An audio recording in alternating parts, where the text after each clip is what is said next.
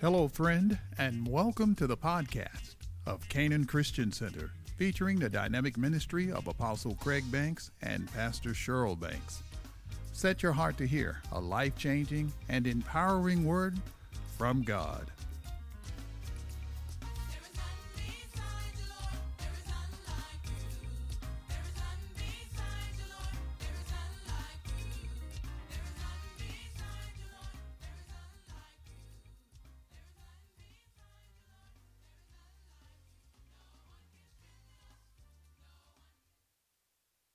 Chapter 5 and verse 1, it says, Therefore be imitators of God as dear children, and walk in love as Christ also has loved us and given himself for us, an offering and a sacrifice to God for a sweet smelling savor or aroma. Amen. And we talked to you from this subject last week, um, imitators of life. And we're going to get into the second part of this today. And um, what we're calling this second part is the destruction of poverty. Amen. I want to show you some things. Uh, we're going to piggyback again, again on imitators of life, but this is part two of it. But I want you to understand something that there is a strategic plot that the enemy has always had set up. It came as a result of the curse, and we've been redeemed from the curse. We know that from reading the scriptures, but most don't believe it. Therefore, we stay on a track that we've been on that the enemy has been able to get a lot of people into. And God wants us to have uh, freedom. We want to. He wants us free from that, but not just talking about it. He wants us free indeed, where we are actually operating in the system of the kingdom of God. Does it make sense? Amen. We told you that many saints find themselves slipping into what I call neutrality or neutral zone in their love walk, in their service, and in the kingdom of God, even in their faith walk because of all these overwhelming frustrations. I know y'all ain't never had frustration, but there are a few people who are in the body of Christ who experience frustration, uh, seem like all the time. And whenever frustration set in, set in uh, it's actually designed to disappoint you and keep disappointment going. Whenever the enemy can get you disappointed, then you never make your appointment. Amen. And there is nothing worse than knowing that you're headed for something and then you're disappointed. Amen. Or expecting something and it didn't it doesn't materialize, doesn't happen. And we you know one or two you know you're like well you know this is part of it and you know praise god and and hallelujah and then we move on and we try to move on. And then let another one happen. Then you start hearing thoughts and thoughts that have your voice attached to it. Uh, like, I don't know about this stuff. Amen.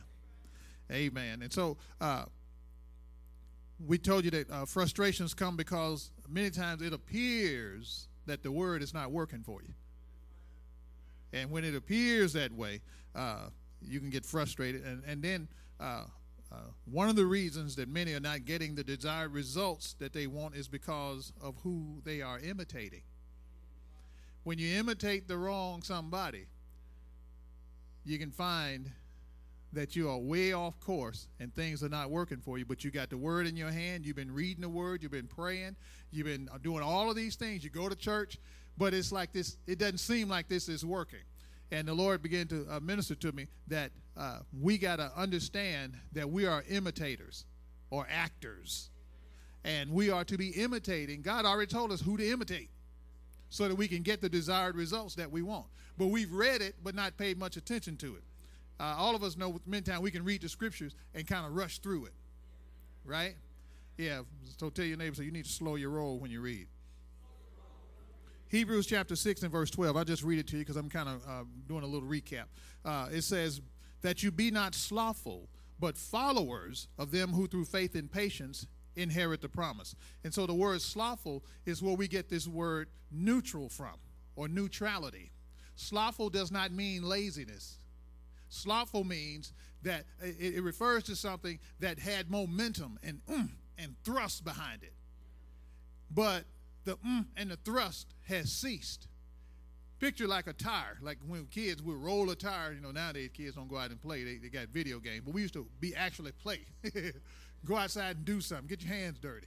Well, you roll that tire, and while that tire is rolling, the the push that you gave it uh, gave it its momentum, and so it's going on. And if you don't keep pushing it, then it loses its momentum and eventually it slows down and it begins to wobble and it finds a spot to stop in and it just whirls around, wobble, wobble, wobble, wobble, wobble, and then it stops.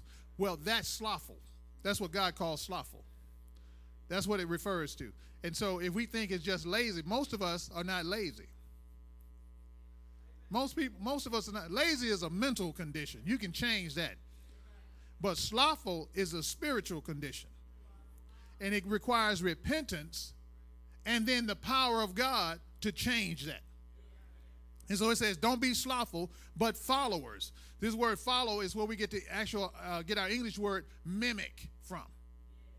Uh, it's where mimes and all of that, some of the, that we use in the praise dance, the expressions, that's where they, this word comes from. But in this scripture, the best reference or the best word that we can grab a hold of in our English language to describe this is the word actor. So he says, don't be slothful. Don't be somebody who has lost their mm. Remember, Jesus uh, got on the uh, Ephesian church? He said uh, that uh, you left the love that you had for me at the first. You had a thrust at first that caused you to be very passionate about me. But now you have lost your own. You don't love me like you used to. You have lost or it actually says you have divorced yourself from the love that you had at the first. That's kind of strong. So if he's telling that to the church and other things, then that means we can come to that place. Come on, y'all. It's easy. All of us know it's easy to get to a place and you be like, how in the world did I get here? You don't ask other folks that, but you just feel in your heart, how did I get to this place? And, and nobody's exempt.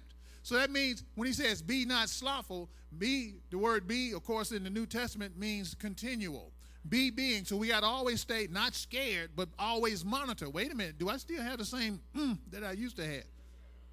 Is my mm increasing? Amen. So he says, be followers or or imitate or act like those who through faith and patience inherit the promises. So ask your neighbor, who are you acting like? Amen. Then we told you, of course, uh, you got to be a follower. Um, uh, uh, an actor is somebody who skillfully and convincingly act like uh, somebody else. If I become slothful, then I'm acting like somebody who has lost their mm. We're always acting. Amen. And if you act long enough and consistently uh, like somebody else, they will become a, that will become a part of you. Amen. We see people living their lives off the pages of magazines. They're trying to be like somebody that they've seen that they deem to be somebody. Uh, to them, they're, they're, they're, really somebody. So they're trying to imitate them. They wear their hair like them. They got the same makeup. Uh, they go and get uh, stuff done to their face so they'll look like them. That's how committed they are to looking like and acting like them. And Jesus is telling us, I've given you somebody to act like if you want to obtain what's yours. To obtain means to lay hold on. You ain't got to work for it, but we got to change who we acting like. And so we told you to go over to Hebrews uh, chapter 13. Uh, if you can, look at that right quick, and then we'll get on into this other part.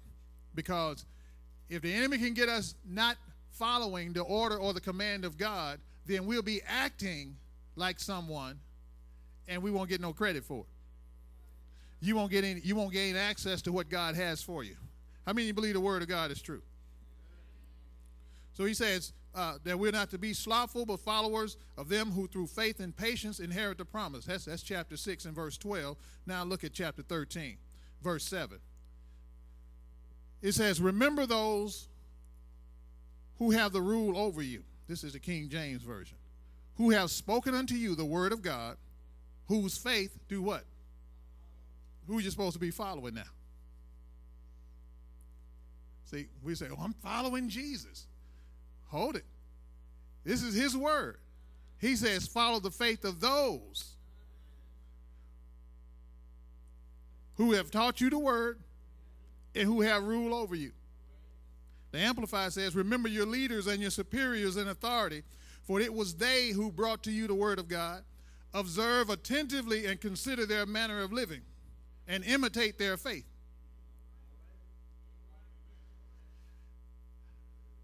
I want to get into this because the Lord began to deal with me about, about this. What God has done. And the Lord told me, He said, Son, I have I've always had this set up. My people have just not tapped into it. Many of us can look back and see when we came up, we saw people around us and in our com- many communities, there was a lot of poverty. There was a lot of lack. And there'd be a few people that would have something. You know, and if they had a little something, they acted like they had something. And they come to church and uh, you know, they were put on the deacon board and and and they were given positions of authority. People still do this, but because they seem to have something. And if you have something, then you are somebody. But the opposite of that will cause a person to think that if you don't have something, then you are a nobody. And if people think that they are nobody, they they slip into a state of depression even though they're moving about. Well, when I was coming up, you know, uh, you know, we'd ask for stuff. Mama, can we have? I got no money for that stuff. You know, Mama, I want to be in the band. You know, as you know, as a kid, you know, you figure when you want something, you should get it. But they didn't teach us that. You know, of course, they taught you how to be mannerable, and we asked for various things. But at church, I started realizing, ain't no, I'm as a kid, like ain't nobody got nothing. All the kids saying the same thing. And then as you get older, uh, I didn't know we were poor till they started busing. I didn't. And we get on the bus and we went way over to the other side of town. And it's like, wait a minute. We just left where we live, and now we we crossed the freeway, and it looked like the sun came on. It got brighter, or it became bright. And I think, you know, as a kid, I'd be like, that's just me. So I wouldn't tell anybody, but I've noticed. And then we're going along and we come through different neighborhoods, and I see these folks out in the, in the springtime on their knees in their garden. And I'm thinking, how come they ain't standing on the bus stop with a handbag? These folks, they got they got flowers. And look, they got a driveway. It's made out of concrete. And they got grass in the yard. And they got screens on their windows. Come on now. And I was, I'm talking about little kid face glued to the to the window on the bus. Look at that. Look at that. Look at and then pretty soon all the kids on our bus was glued to the window. Everybody thinking the same thing, and eventually somebody said, they rich. and, and then at the same time, we, we were saying, they rich, holy. And then we look at each other like, we poor. And I didn't understand the discrepancy. How come? And then how come? And even into adulthood, I would wonder, how come?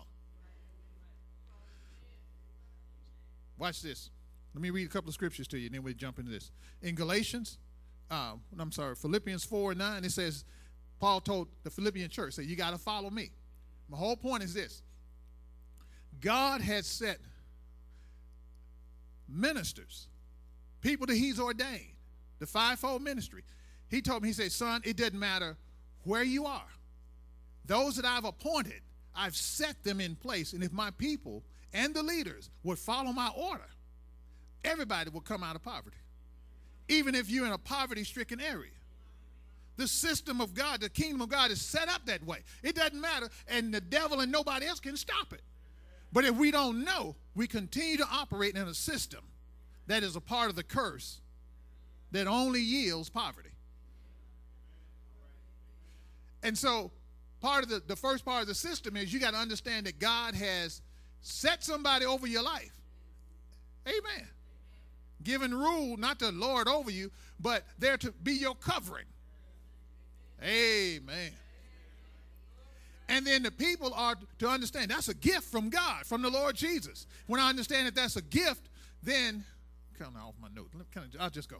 As a gift, fivefold ministry. They are gifts from Jesus to his body. The Bible says, one translation say he gave men and women as gifts unto men or mankind. So he sets a gift.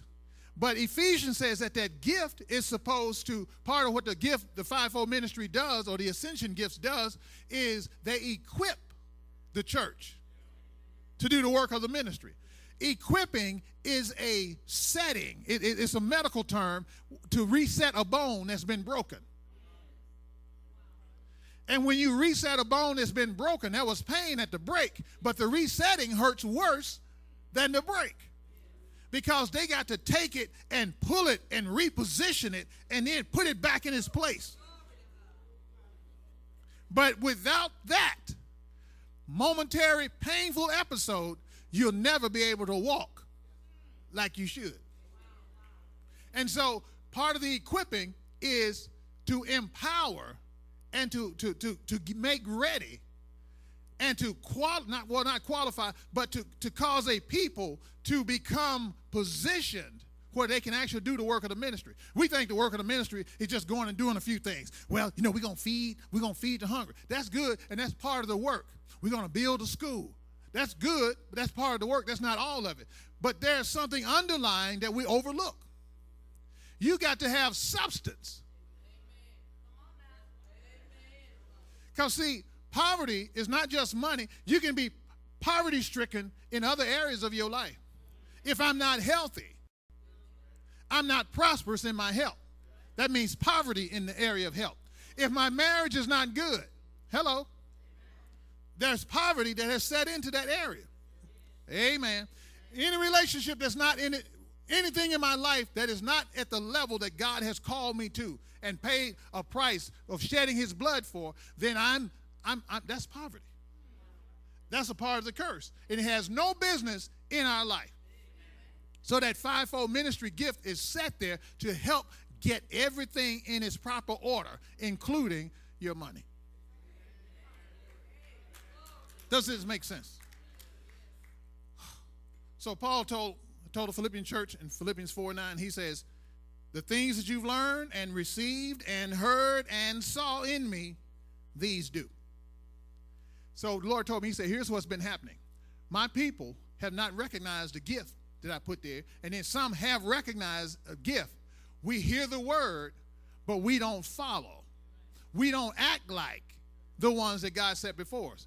Well, well you telling me I got to lose my identity? No, because you go back and read the word. He said, follow their faith, not the personality. Follow their faith. Follow their faith. Those who through faith and patience have inherited or laid hold of what has been promised to them and to all of us. We do the same thing. You can lay hold. I mean, you can actually walk up, put your hands on it, and the tangible things that belong to you are now in your possession. It is not complicated. Tell your neighbor, so you just been following the wrong person. Okay, now go to Proverbs 10 and 15. Because the Lord told me, He said, when you don't follow who I have set before you to follow their faith and mimic their faith. Amen. I ain't just talking about somebody that just preaches. Our job is to preach the word to you, to minister to you, to love you, to push you, but to live by faith before you. And, and, and he said, all you got to do is see those. Observe the one that I set before you. They have the word for you. See, we live in a day and time of independence. So we go and eat from every kind of table. If, you know, I, I ain't got to go to church. I'm mad at you. I don't like you. I don't like your personality. Come on now. The truth is, uh, there's very few people that will fit your bill. So we run, yeah, I love everybody. You lying. You don't know everybody. You know you're supposed to love. So you keep your heart right before God so that when you encounter various ones, the love of God will rise up in your heart and, and be bigger than this mess that's coming out of this person you just encountered. Because there are some folks, even at church, that the encounter is not a wonderful encounter. Are y'all here or not? And, and as my grandmother said, if I had my druthers, I'd wax them. I'd get rid of them because I don't like you. That's why you can't have a whole bunch of friends. You don't need about two or three in, in your whole life. Real friends. And that's why you can't let everybody speak into your life. One got you going to the left, somebody else got you going to the right, somebody else got you backing up, somebody else got you coming, somebody else got you going down, up, and you just spin around. And you're crazy by the time Sunday come around. So when the one God has ordained to speak into your life begin to speak, you're dull of hearing. So you don't hear the word, and then we will hear the word that's preached. Ooh, praise God, I receive that word. And then you go off and you're going to do it on your own. And God said, hold it. Receive the word, but look at who I sent it to you through. Check out their life. Are they living by faith? And remember that faith works by love. If we're living by faith, there should be some evidence. And he said, when you don't do that, then the enemy's like, yes, the kingdom's system is in place, but they don't know about it. So they're left to operate in the kingdom system of darkness. Whew. Proverbs 10 15. There's a whole lot of wrap up. Proverbs 10 15. The rich man's wealth, y'all got it? The rich man's wealth is what? The destruction of the poor is Jesus said the enemy comes but for to steal, kill, and destroy. One of the ways he used, one of the things he uses to destroy people is poverty. Poverty is a spirit. Poverty is a demon spirit that is a ruling spirit. And if people get into the grips of it, they're in trouble. Amen. So let's let's let's let's look quickly at what poverty is so that we can get out of it and never open the door to it again. In the Old Testament, uh, poverty, there's a, a, a, Hebrew word called dal, D A L, but it's A is pronounced all, dal. And so it means to be dangling, to be left dangling. If you were tied, somebody tied you to a rope and tied that rope on, on something that was extended over the top of a, a, a 30 story building, you're hanging at the end of that rope. Wouldn't you call that dangling? You can move your legs like you're running. You can be straight. Whatever you do, you are dangling. And to be dangling means that you can't go forward. You can't do anything that you are designed to do. It implies being weak or thin. It's, a, it's, it's being in a state of leanness and needy. That's when you start finding unhappy people. It, it, it, it's to be in need of deliverance. It means to be oppressed. It means to be brought low. It means to be dried up. It means to be empty. It means to not be equal. It means to fail often and to be impoverished. My God. In the New Testament, the Greek word is ptochos, which means to be made a beggar and a pauper. So a beggar is somebody who we know who solicits alms or scraps for a living. But here's what got me when I looked at the definition of beggar. They beg for things because their needs have exceeded the limits and the capabilities of their resources.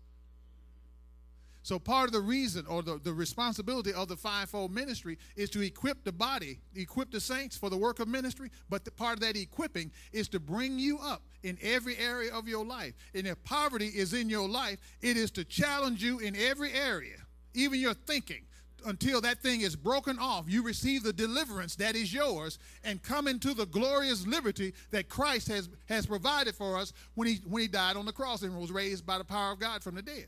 Amen. And so we don't have to work for this. This has been given to us. But you can't receive what's yours. Does this make sense? You can't receive what's yours if you are locked down. And God is tired of his people being in lockdown mode. Our hearts are willing, but you know the flush is weak. How come your flush is weak? How come our flush is weak when we when something needs to be done? It should be that the people of God have, have broken free from all limitations and then God says, build me a building. And then we, we do like this. Okay, it's going to cost uh, $900,000. And somebody stand up and say, I got 5,000, Pastor. Somebody say, I got eight, I got 10, or I got 40. And before you leave the service, there the money is. Well, what do we have to do? Every time God say do something, well, you know, the preacher, you know, we gotta I gotta go study for three months and find out what the word of God says. I'm gonna research here and, and check with people who have already built and get and so get all the word of God that I can and meditate it so it can be in me, and then I can feed the people and get them built up and built up and built up where they believe that they should at least give something toward the building for And by that time, a year and a half has passed. Now we're ready to launch the building fund. Well, a recession set in. One month before it was time to launch the building fund. We ain't got no money. Because I forgot what you done preached for a year and a half. Because right now I'm consumed with need. And as soon as we get something, I've been in lack so long. Shoot, Look what God did. God did. God blessed me with this. And so it's like, I don't know if I need to get up in church and tell uh, about the goodness of the Lord because uh, they're going to be wanting me to give something. And you, uh-uh. And so I'm, come on, y'all know I'm telling the truth. What is, that talk comes from a poverty mentality. And the poverty mentality didn't, didn't just set in. It's been working on you all the time when you didn't have nothing. You got robbed and then the enemy works on you because you've been robbed, plays with your head, and pretty soon he's backed off, but nobody knows, and you don't know when he backed off because you still going with it. Yeah. Lack, lack, poverty, anger. It's all about uh-uh. And as soon as you get something, you run. Soon as you come into an environment of abundance, you're trying to figure out how you can get something. Does this make sense? Whew. So, what is poverty? Dear God. Poverty, as I told you, is a ruling demon spirit. It's a condition, it's an environment, it's a mindset that affects every area of your life. It's a part of the curse, it's an actual system that's under the curse. All of us were groomed in the kingdom of darkness, and we were trained in poverty. And in poverty, we learn to just accept. That's just the way it is. So what's the opposite of poverty? Anybody know?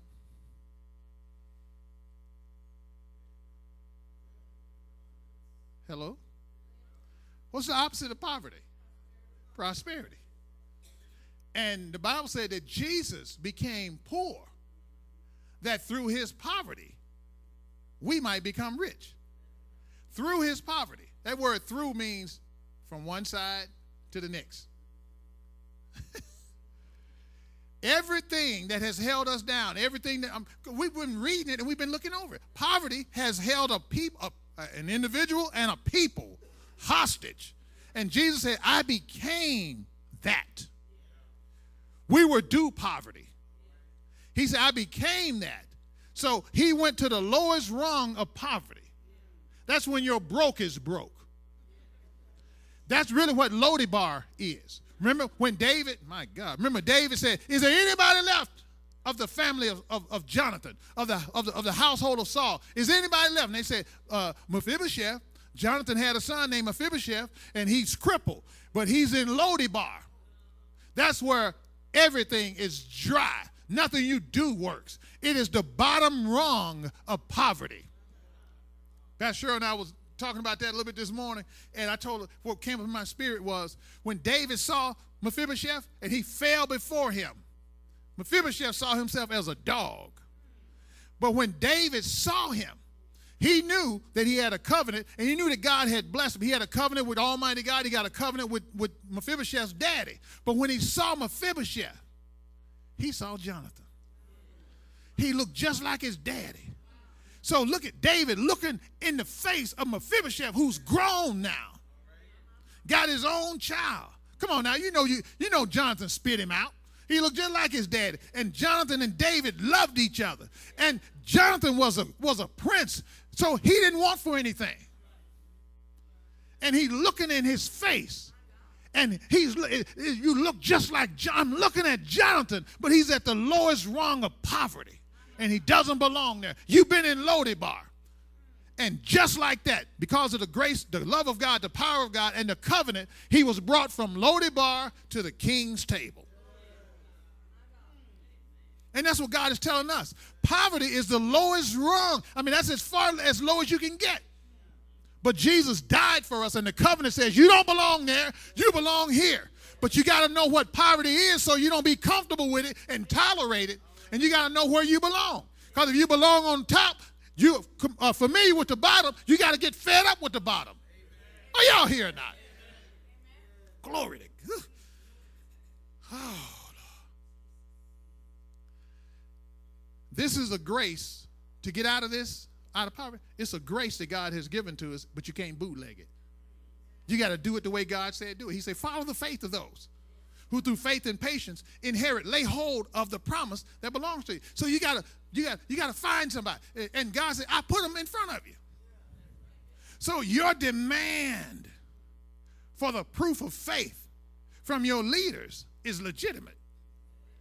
Because if I don't you don't see some expression, some, some manifestation of faith, and God has given me responsibility for you, set me before you to preach His word to you, if you don't see any proof, then something's wrong because you're going to be held up. Does it make sense? So it works both ways. And the Lord told me, He said, Son, all those preachers you saw when you were coming up who uh, had to work and were broke and were struggling like everybody else, he said the people never honored them the way I said honor them. And then the leaders didn't know that they had to live by faith as an example for the people to follow. And guess what happened? The destructive tool of the enemy called poverty has a right to grip the people, and it perpetuates Go to Proverbs 6, verse 9. I got a few minutes, so let's look at some of this stuff about poverty. Oh, God. Poverty 6 and verse 9 says, How long will you slumber, O sluggard? When you say a sluggard is, is the same as slothful. Remember, slothful is not lazy. That's somebody that lost their mm. When you've lost your push, then it's hard to get motivated and people can come around you and tell you, come on, come on, oh, you got it, you got it. But when, when you've been disappointed, it's hard to get up from there. He said, How long will you be like this, sluggard? How long will you slumber? Slumber is sleep, sleep is inactivity, and you're as close to dead as you can be. A little sleep, a little slumber, a little folding of the hands to sleep, so shall your what? Come on you like a and your need like an armed man. So, this is an attitude that welcomes poverty as a non threatening companion. When I lose my um, I'm welcoming poverty, but I don't see it as threatening. And an, this attitude of sleeping is only for a moment, and it's in your mind because there you lose track of time. You ever daydream? You don't have a clock on your daydreaming. When you start daydreaming, you lose track of time. And your boss said, Great. Huh? You were daydreaming. You lost track of time. You were asleep.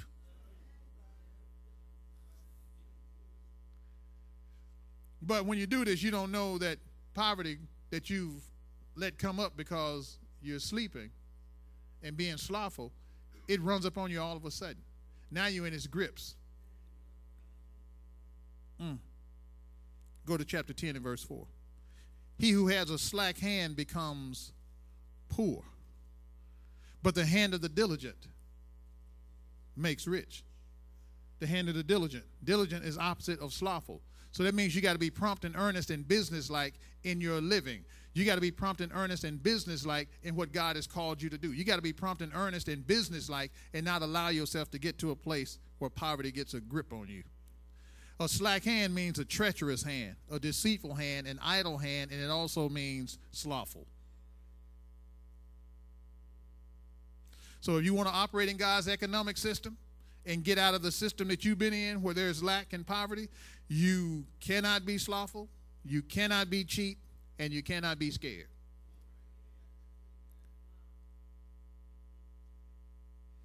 Go to Proverbs 13. Don't look like I'm going to finish. Poverty and shame will come to him who disdains correction. Now, remember the fivefold ministry? Part of the, the responsibility of the fivefold ministry is to equip. Part of equipping is mentoring, discipling. And in discipling and mentoring, there will be some correction. Proverbs 13, 18, poverty and shame will come to him who disdains correction, but he who regards the rebuke will be honored. So many people want honor, but they can't be corrected.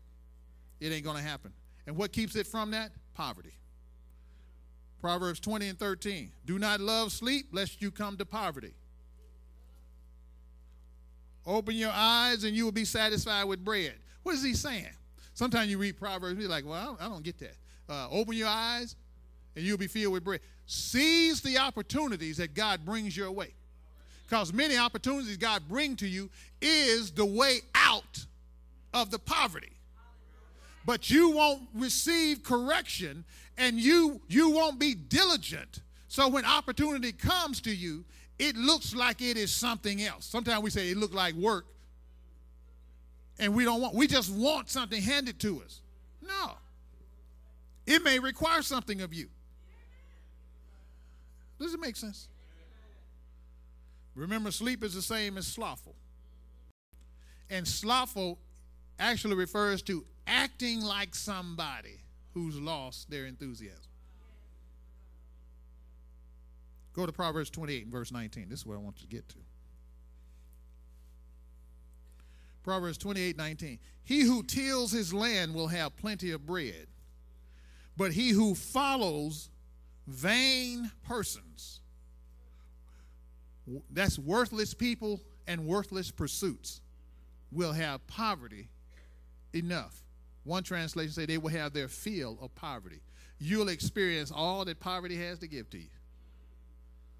Okay? Remember the, the parable of the, the, the, the king and, and Lazarus the beggar? The beggar. When he died, he went to Abraham's bosom. So he's a child of God, but he was a beggar. A child of God, but a beggar. A child of God, but a beggar. When you go and read it, it says that the dogs came and licked his sores. A dog that is hungry is not going to just lick sores. That means this man is so weak and has been without, they probably started eating him. And then it says, and the rich man died and was buried, but the dogs licked his sores. Lazarus went to Abraham's bosom. The rich man lifted his eyes up in hell. But on this side, Lazarus, who went to Abraham's bosom, was a beggar. God's child, a beggar, it doesn't compute with God. So that means a choice was made somewhere. If you're a child of God, you got a covenant. And the covenant is abundance. But if you don't believe that, you'll never walk in it. If God says, follow those who through faith and patience obtain the promise, if you don't believe that, you won't do it. And you'll be trying to get it some other way. Any other way, God calls that begging. Does it make sense? He says, He who, y'all looking at Proverbs 28 19? He who, what? He who tills his land will have plenty of bread, but he who. Wait a minute. I'm trying to get you to look at the word follow. See how we read over it? Following is acting, imitating. Y'all getting it? He who follows after vain persons. So we're following somebody. And follow means to imitate or to act. Who you acting like? Ask your neighbor, who you acting like?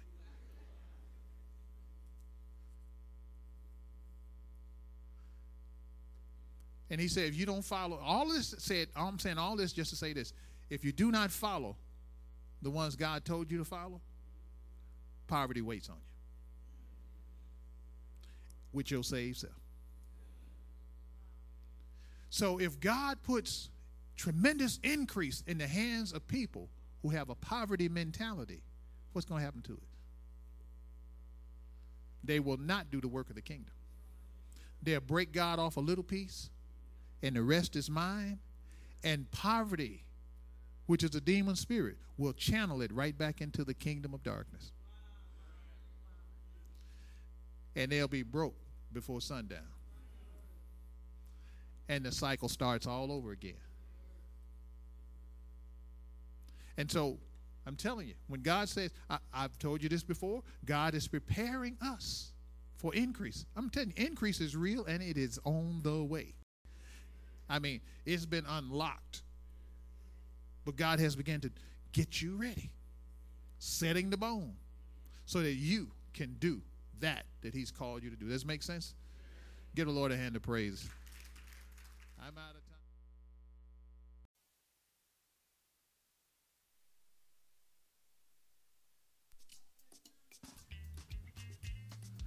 We trust that you were blessed by this dynamic word.